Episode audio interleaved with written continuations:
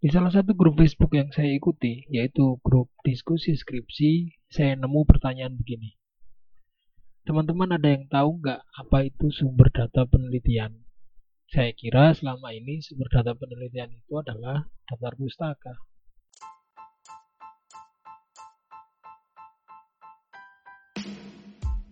Assalamualaikum warahmatullahi wabarakatuh. Selamat datang kembali di podcast Diari Dosen sebuah podcast yang akan membahas segala hal tentang dunia pendidikan, khususnya dunia kampus. Jadi di Facebook, saya itu join dengan beberapa grup yang saya pikir berguna buat saya. Misalnya, grup komunitas sepeda lipat, grup ikatan dosen Republik Indonesia, misalnya, atau grup dosen. Eh, salah satunya adalah grup diskusi skripsi, grup skripsi, dan seterusnya.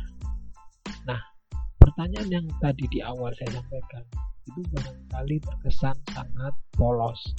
Mungkin di antara kita tertawa mendengar pertanyaan itu.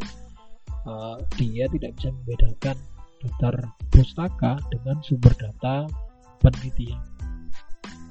Tapi, nah ironisnya adalah boleh jadi yang mengalami hal tersebut bukan hanya dia. Boleh jadi yang sedang menonton video ini juga oh iya ya apa ya bedanya saya pikir selama ini daftar pustaka ya sumber data itu. Ternyata beda ya karena di dalam pertanyaan si mahasiswa tadi di grup Facebook itu dia menyertakan capturean screenshot uh, eh, WA dia dengan dosen pembimbingnya. Dia lampirkan daftar pustaka, lalu dosen pembimbingnya membalas dengan caps lock. Saya minta sumber data penelitian, bukan daftar pustaka. Wah, kalau dibikin versi audionya mungkin seperti teriak-teriak gitu. Kita akan bahas di video kali ini apa sih sebenarnya bedanya daftar pustaka dengan sumber data penelitian. Oke, untuk mempermudah supaya gampang saya akan mungkin menggunakan pendekatan contoh saja begitu ya tidak menggunakan teori yang belit-belit dan seterusnya jadi sebelum kita membahas tentang apa sih bedanya sumber data penelitian dengan daftar pustaka kita perlu paham dulu apa sih jenis-jenis penelitian kalau kita tinjau dari sumber datanya atau kalau kita tinjau dari cara mendapatkan datanya, cara peneliti mendekati datanya atau sumber datanya. Yang pertama adalah penelitian lapangan. Penelitian lapangan ini biasanya cara mendapatkan datanya adalah peneliti harus terjun ke lapangan.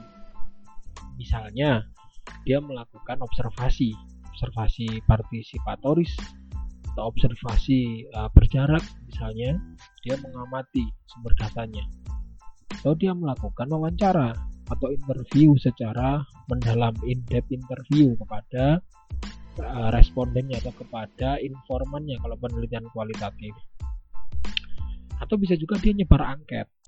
Ini juga datanya dari lapangan. Dia sebar angket kuesioner orang menjawab dan dia mendapatkan data itu. Atau yang keempat adalah uh, apa namanya dokumen. Jadi dia menelusuri dokumen-dokumen di lapangan. Misalnya dia meneliti seperti yang saya lakukan di tesis saya, misalnya saya meneliti tentang konsep manajemen strategi dari masjid X. Saya datang ke masjidnya, saya wawancara, saya observasi, termasuk juga saya mendapatkan dokumen dari uh, apa namanya masjid tersebut. Gitu ya. Itu yang pertama, penelitian lapangan. Yang kedua adalah penelitian penelitian eksperimental. Biasanya cara mendapatkan datanya dengan cara eksperimen. Ya, eksperimen itu bisa di dalam ruangan, misalnya di laboratorium, atau kalau misalnya eksperimentalnya itu di uh, engineering, social engineering misalnya, itu dia melakukan eksperimen di uh, kampung tertentu misalnya. Bisa seperti itu. Jadi sumber datanya didekati dengan cara eksperimen. Yang ketiga adalah penelitian pustaka. Nah ini, penelitian pustaka ini cara dia mengumpulkan data adalah dengan melakukan penelusuran dokumen tertulis atau sumber-sumber pustaka atau sumber-sumber tertulis. Jadi dia tidak wawancara, dia tidak observasi, dia tidak nyebar angket, tapi dia menelusuri sumber-sumber pustaka bisa dari buku bisa dari manuskrip ya manuskrip kuno gitu manuskrip manuskrip kuno itu bisa. Atau naskah publikasi.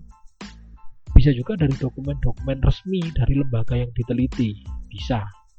Jadi dia mendapatkan itu melalui uh, sumber-sumber pustaka. Nah saya menduga kemungkinan pertanyaan yang diajukan oleh uh, mahasiswa tadi itu adalah ketika dia uh, tidak mampu membedakan atau ketika dia melakukan penelitian yang sifatnya pustaka ini hipotesa saya ini dugaan saya. Jadi ada dua kemungkinan. Satu bisa jadi dia tidak menguasai Medpen sehingga tidak bisa membedakan sumber data dengan daftar pustaka. Solusinya apa? Ya belajar Medpen lagi. Makanya kan kalau sebelum skripsi itu ada mata kuliah yang namanya uh, metode penelitian Nah, di sana mahasiswa akan diajari tentang Medpen. Ini hipotesa saya yang pertama. Kalau ini kan berarti harus kuliah lagi gitu ya atau mengulangi lagi mata kuliah itu. Yang kedua, boleh jadi sumber masalahnya adalah kerancuan. Rancu membedakan antara uh, apa namanya sumber data dan daftar pustaka karena dia melakukan penelitian pustaka. Nah, sekarang kita coba bedah gitu ya bagaimana sih bedanya sumber data dan daftar pustaka kalau kita melakukan penelitian pustaka? Karena ini kan lumayan ya rancu ya.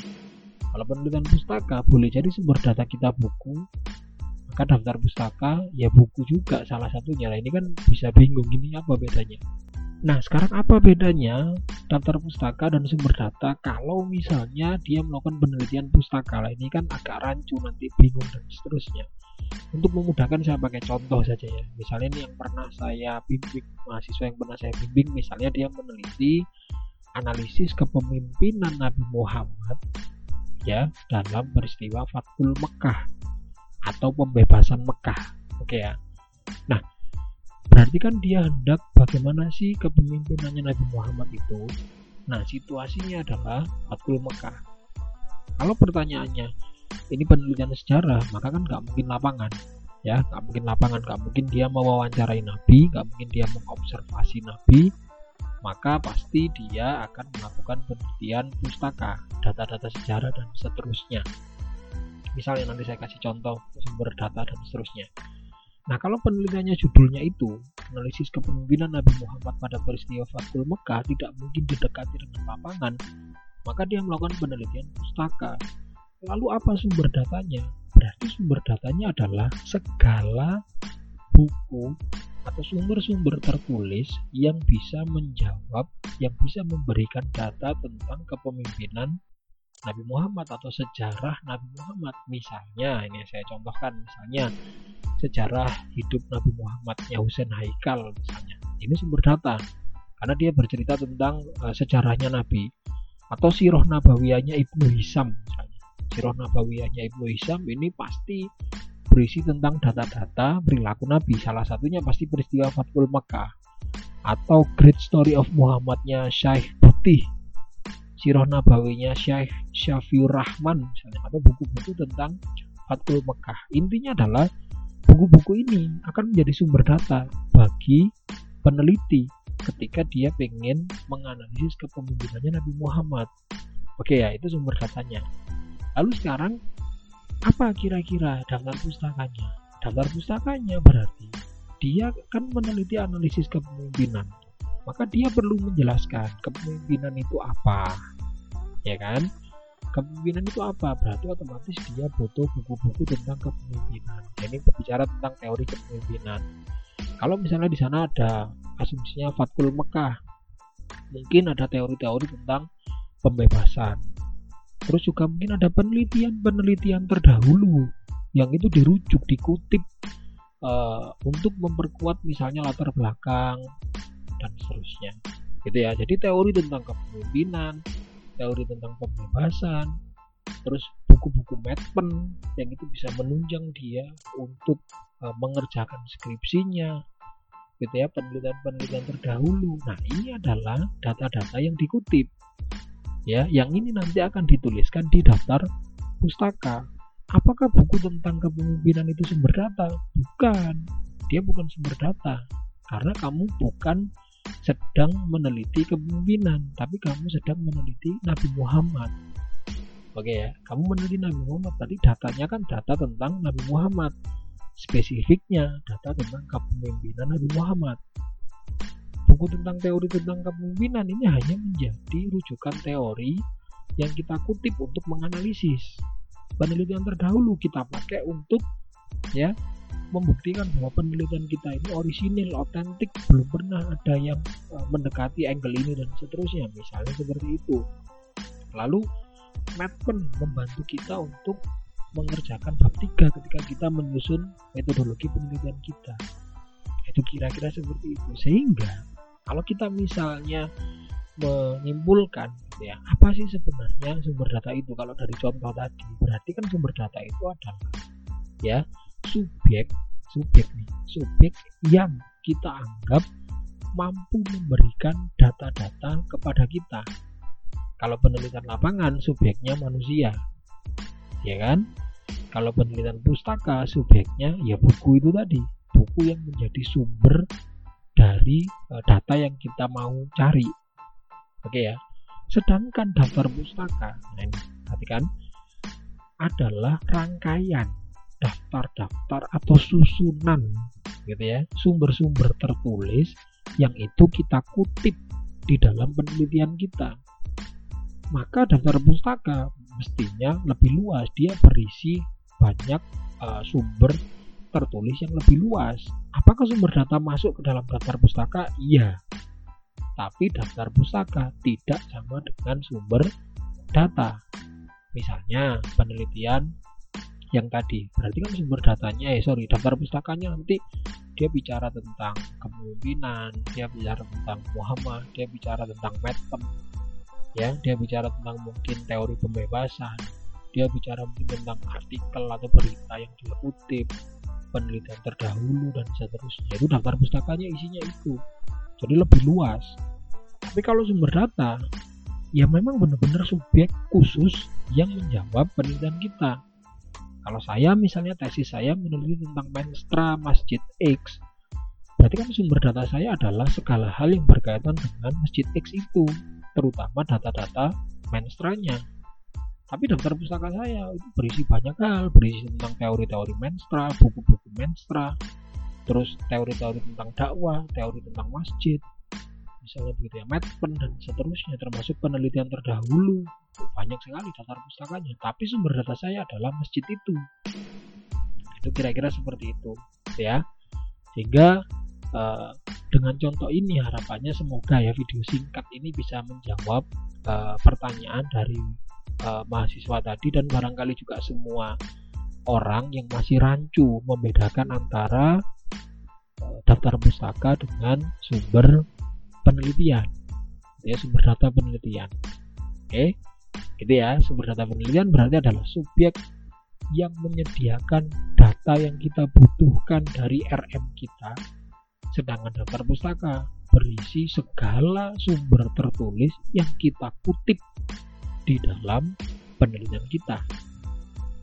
Boleh jadi kalau sumber data kita buku dia masuk ke daftar pustaka tapi kalau sumber data kita orang kan nggak perlu dimasukin ke daftar pustaka.